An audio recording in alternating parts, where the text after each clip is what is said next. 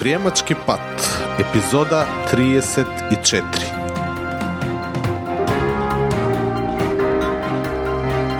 Здраво и повторно голем поздрав до сите слушатели на Предприемачки пат, подкаст на предприемач.com, чија цел е да ви помогне во креирање на ваш собствен и уникатен предприемачки пат. Вие го слушате 34-тото издание на Предприемачки пат.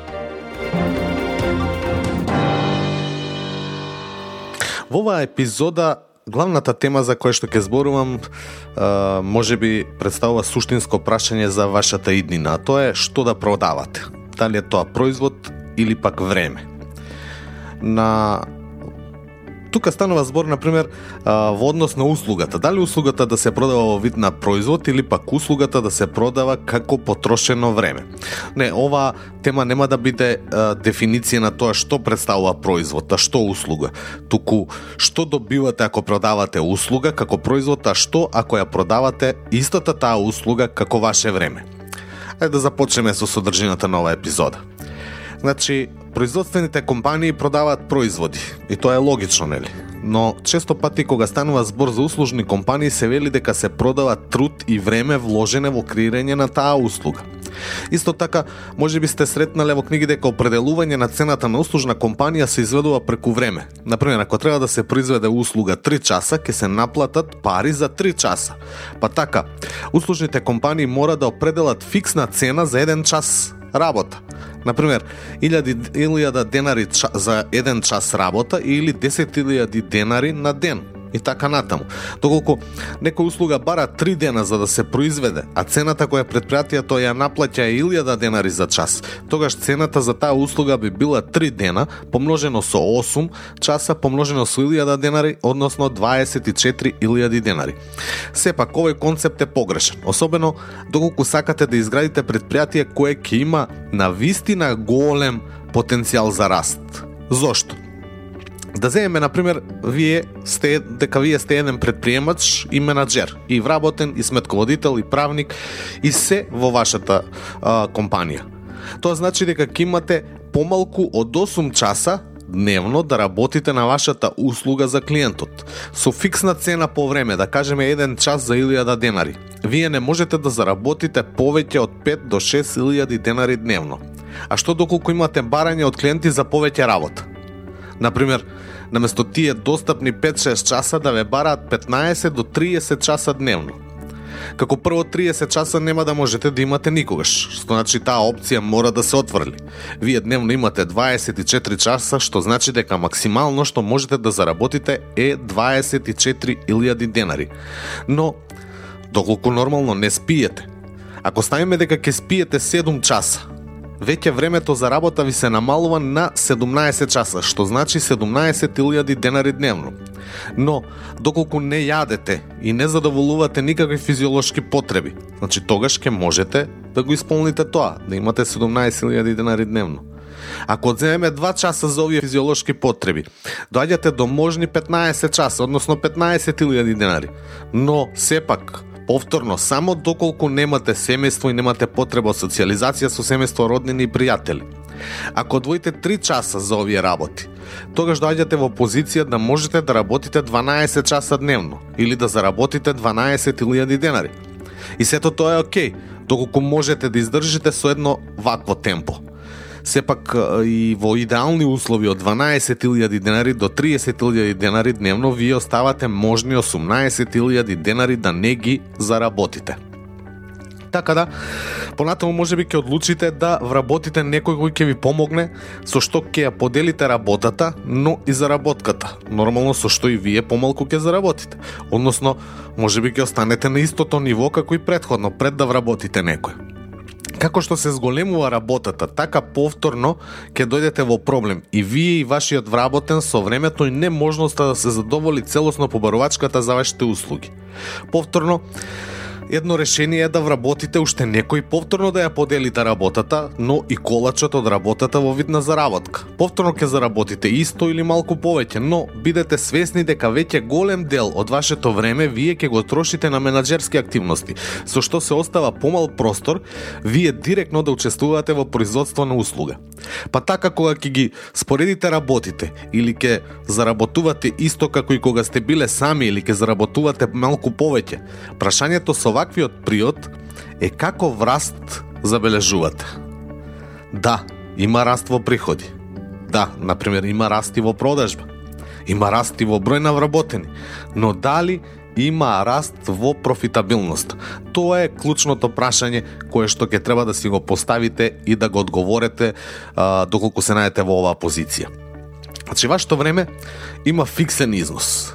Единствениот начин за раст е да им платите на повеќе луѓе да го инвестираат нивното време за производство, на повеќе услуги или пак да го зголемувате вашето собствено време се до целосно исцрпување и губење на енергија. Значи, само тој е можниот раст. Доколку, например, вашата работа е таква да клиентите бараат се повеќе работа од вас, вие не можете да постигнете бидејќи сте временски ограничени. Ке мора или да вработите некого, или полека и полека и полека да го зголемувате вашето време се до максимумот што можете да го зголемите тоа време. А, но и двата приоди а, на крај, иако, например, кога ќе вработите некој, тоа значи еден, еден вид на посистемско решавање на проблемот, бидејќи едноставно не го зголемувате вашето време, туку внесувате уште еден човек или двајца или тројца кои што ќе ви помогнат во а, постигнување на целта, но сепак ни тоа ни тоа а, нема да доведе до некои драстични зголемувања на профитабилноста на вашата компанија. А, например, доколку продавате производ, ако го земеме сега производот од другата страна. А како производ, значи тука мислам на физички производ, но и производ базиран на веб или мобилен канал, како мобилни апликации и софтвер како услуга, а, тие како такви производи не се директно врзани со број на луѓе кои ќе бидат потребни за да се реализира продажбата.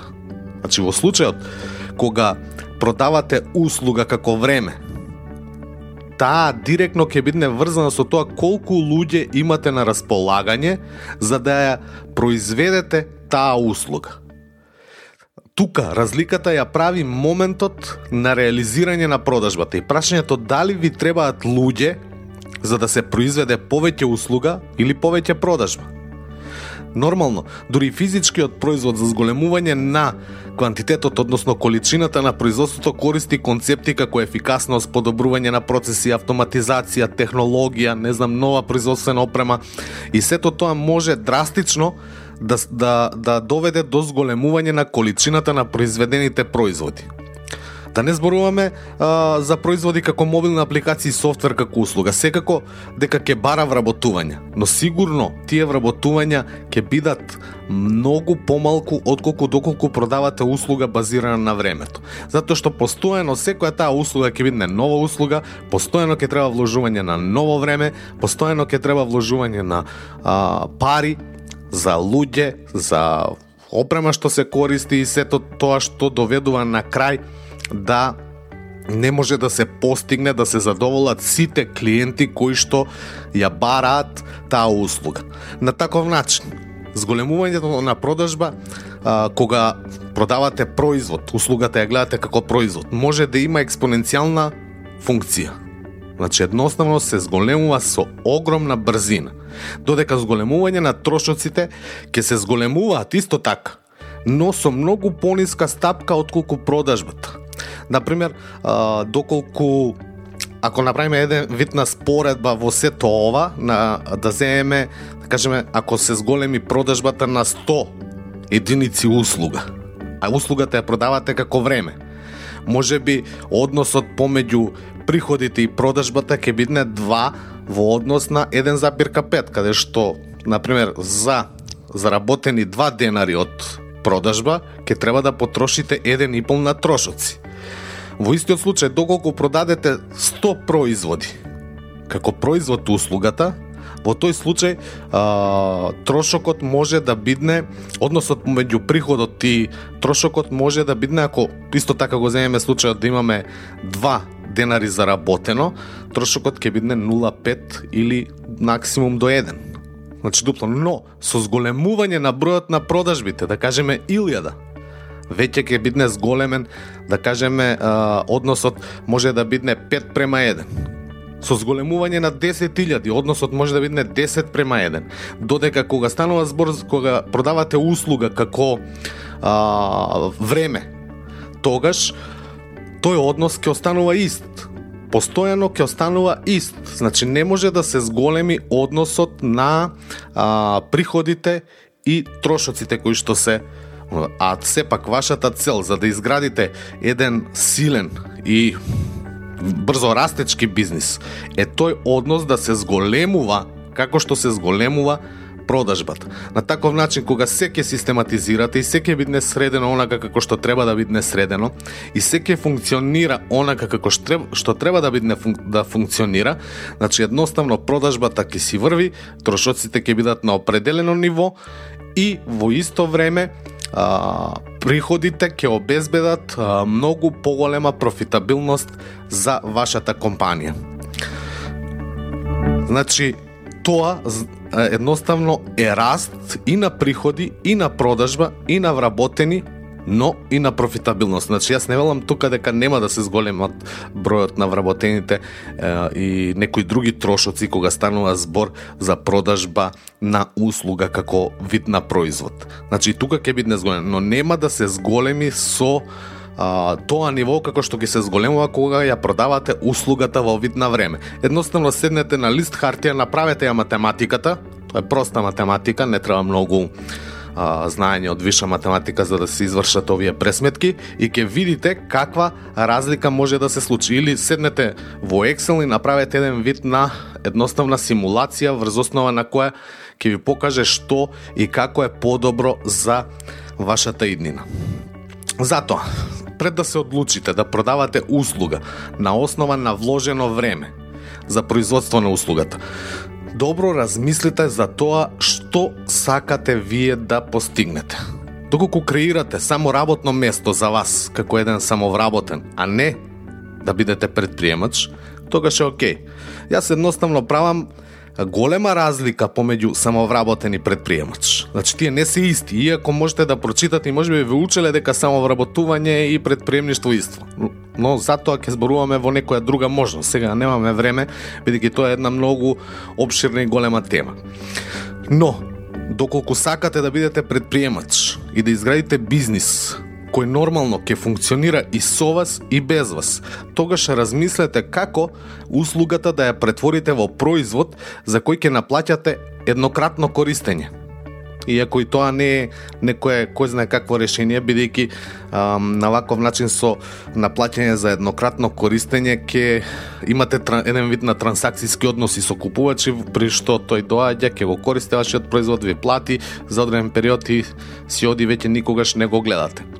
Но можете а, да наплаќате например месечно користење или пак годишно користење или пак користење на специфични карактеристики или пак а, плаќање например на месечна членарина или а, некој фиксен месечен трошок без разлика дали тие користат или не користат, а потоа на плаќање врз база на користење на одредена услуга и така натаму.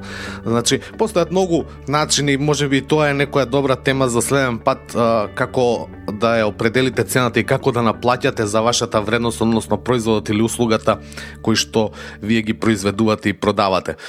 И најверојатно ќе направиме една посебна епизода на предприемачки пат која што ќе се фокусира токму на таа тема. А, сепак стратегија на продажба на време можете а, да ја користите само доколку сте стартап компанија која самата сака да го финансира своето започнување и развој на производ. Значи не ова да ви бидне а, ваква стратегија да ја користите како основа за севкупниот развој на вашиот бизнис понатаму, туку едноставно само како а, можност за започнување на бизнисот на таков начин, користејќи продажба на услуги врз основа на време, значи, ќе можете да учите за можниот производ. Значи веќе продавате некоја услуга, ја наплаќате на ниво на време и едноставно учите дали од неа може да се направи некој производ. Значи имате еден клиент, втор, трет, четврт, дали има нешто заедничко, дали сето тоа може да се вметне во еден вид на производ кој што ќе бидне заеднички за сите нив. Значи, на таков начин а, вие ќе заработувате определена сума на пари, кои што нормално ќе ги инвестирате за да дизајнирате, односно а, за развојот на некој нов производ врз основа на тоа што сте го научиле од работа со тие клиенти. Значи тоа би било се за ова епизода на предприемачки пат.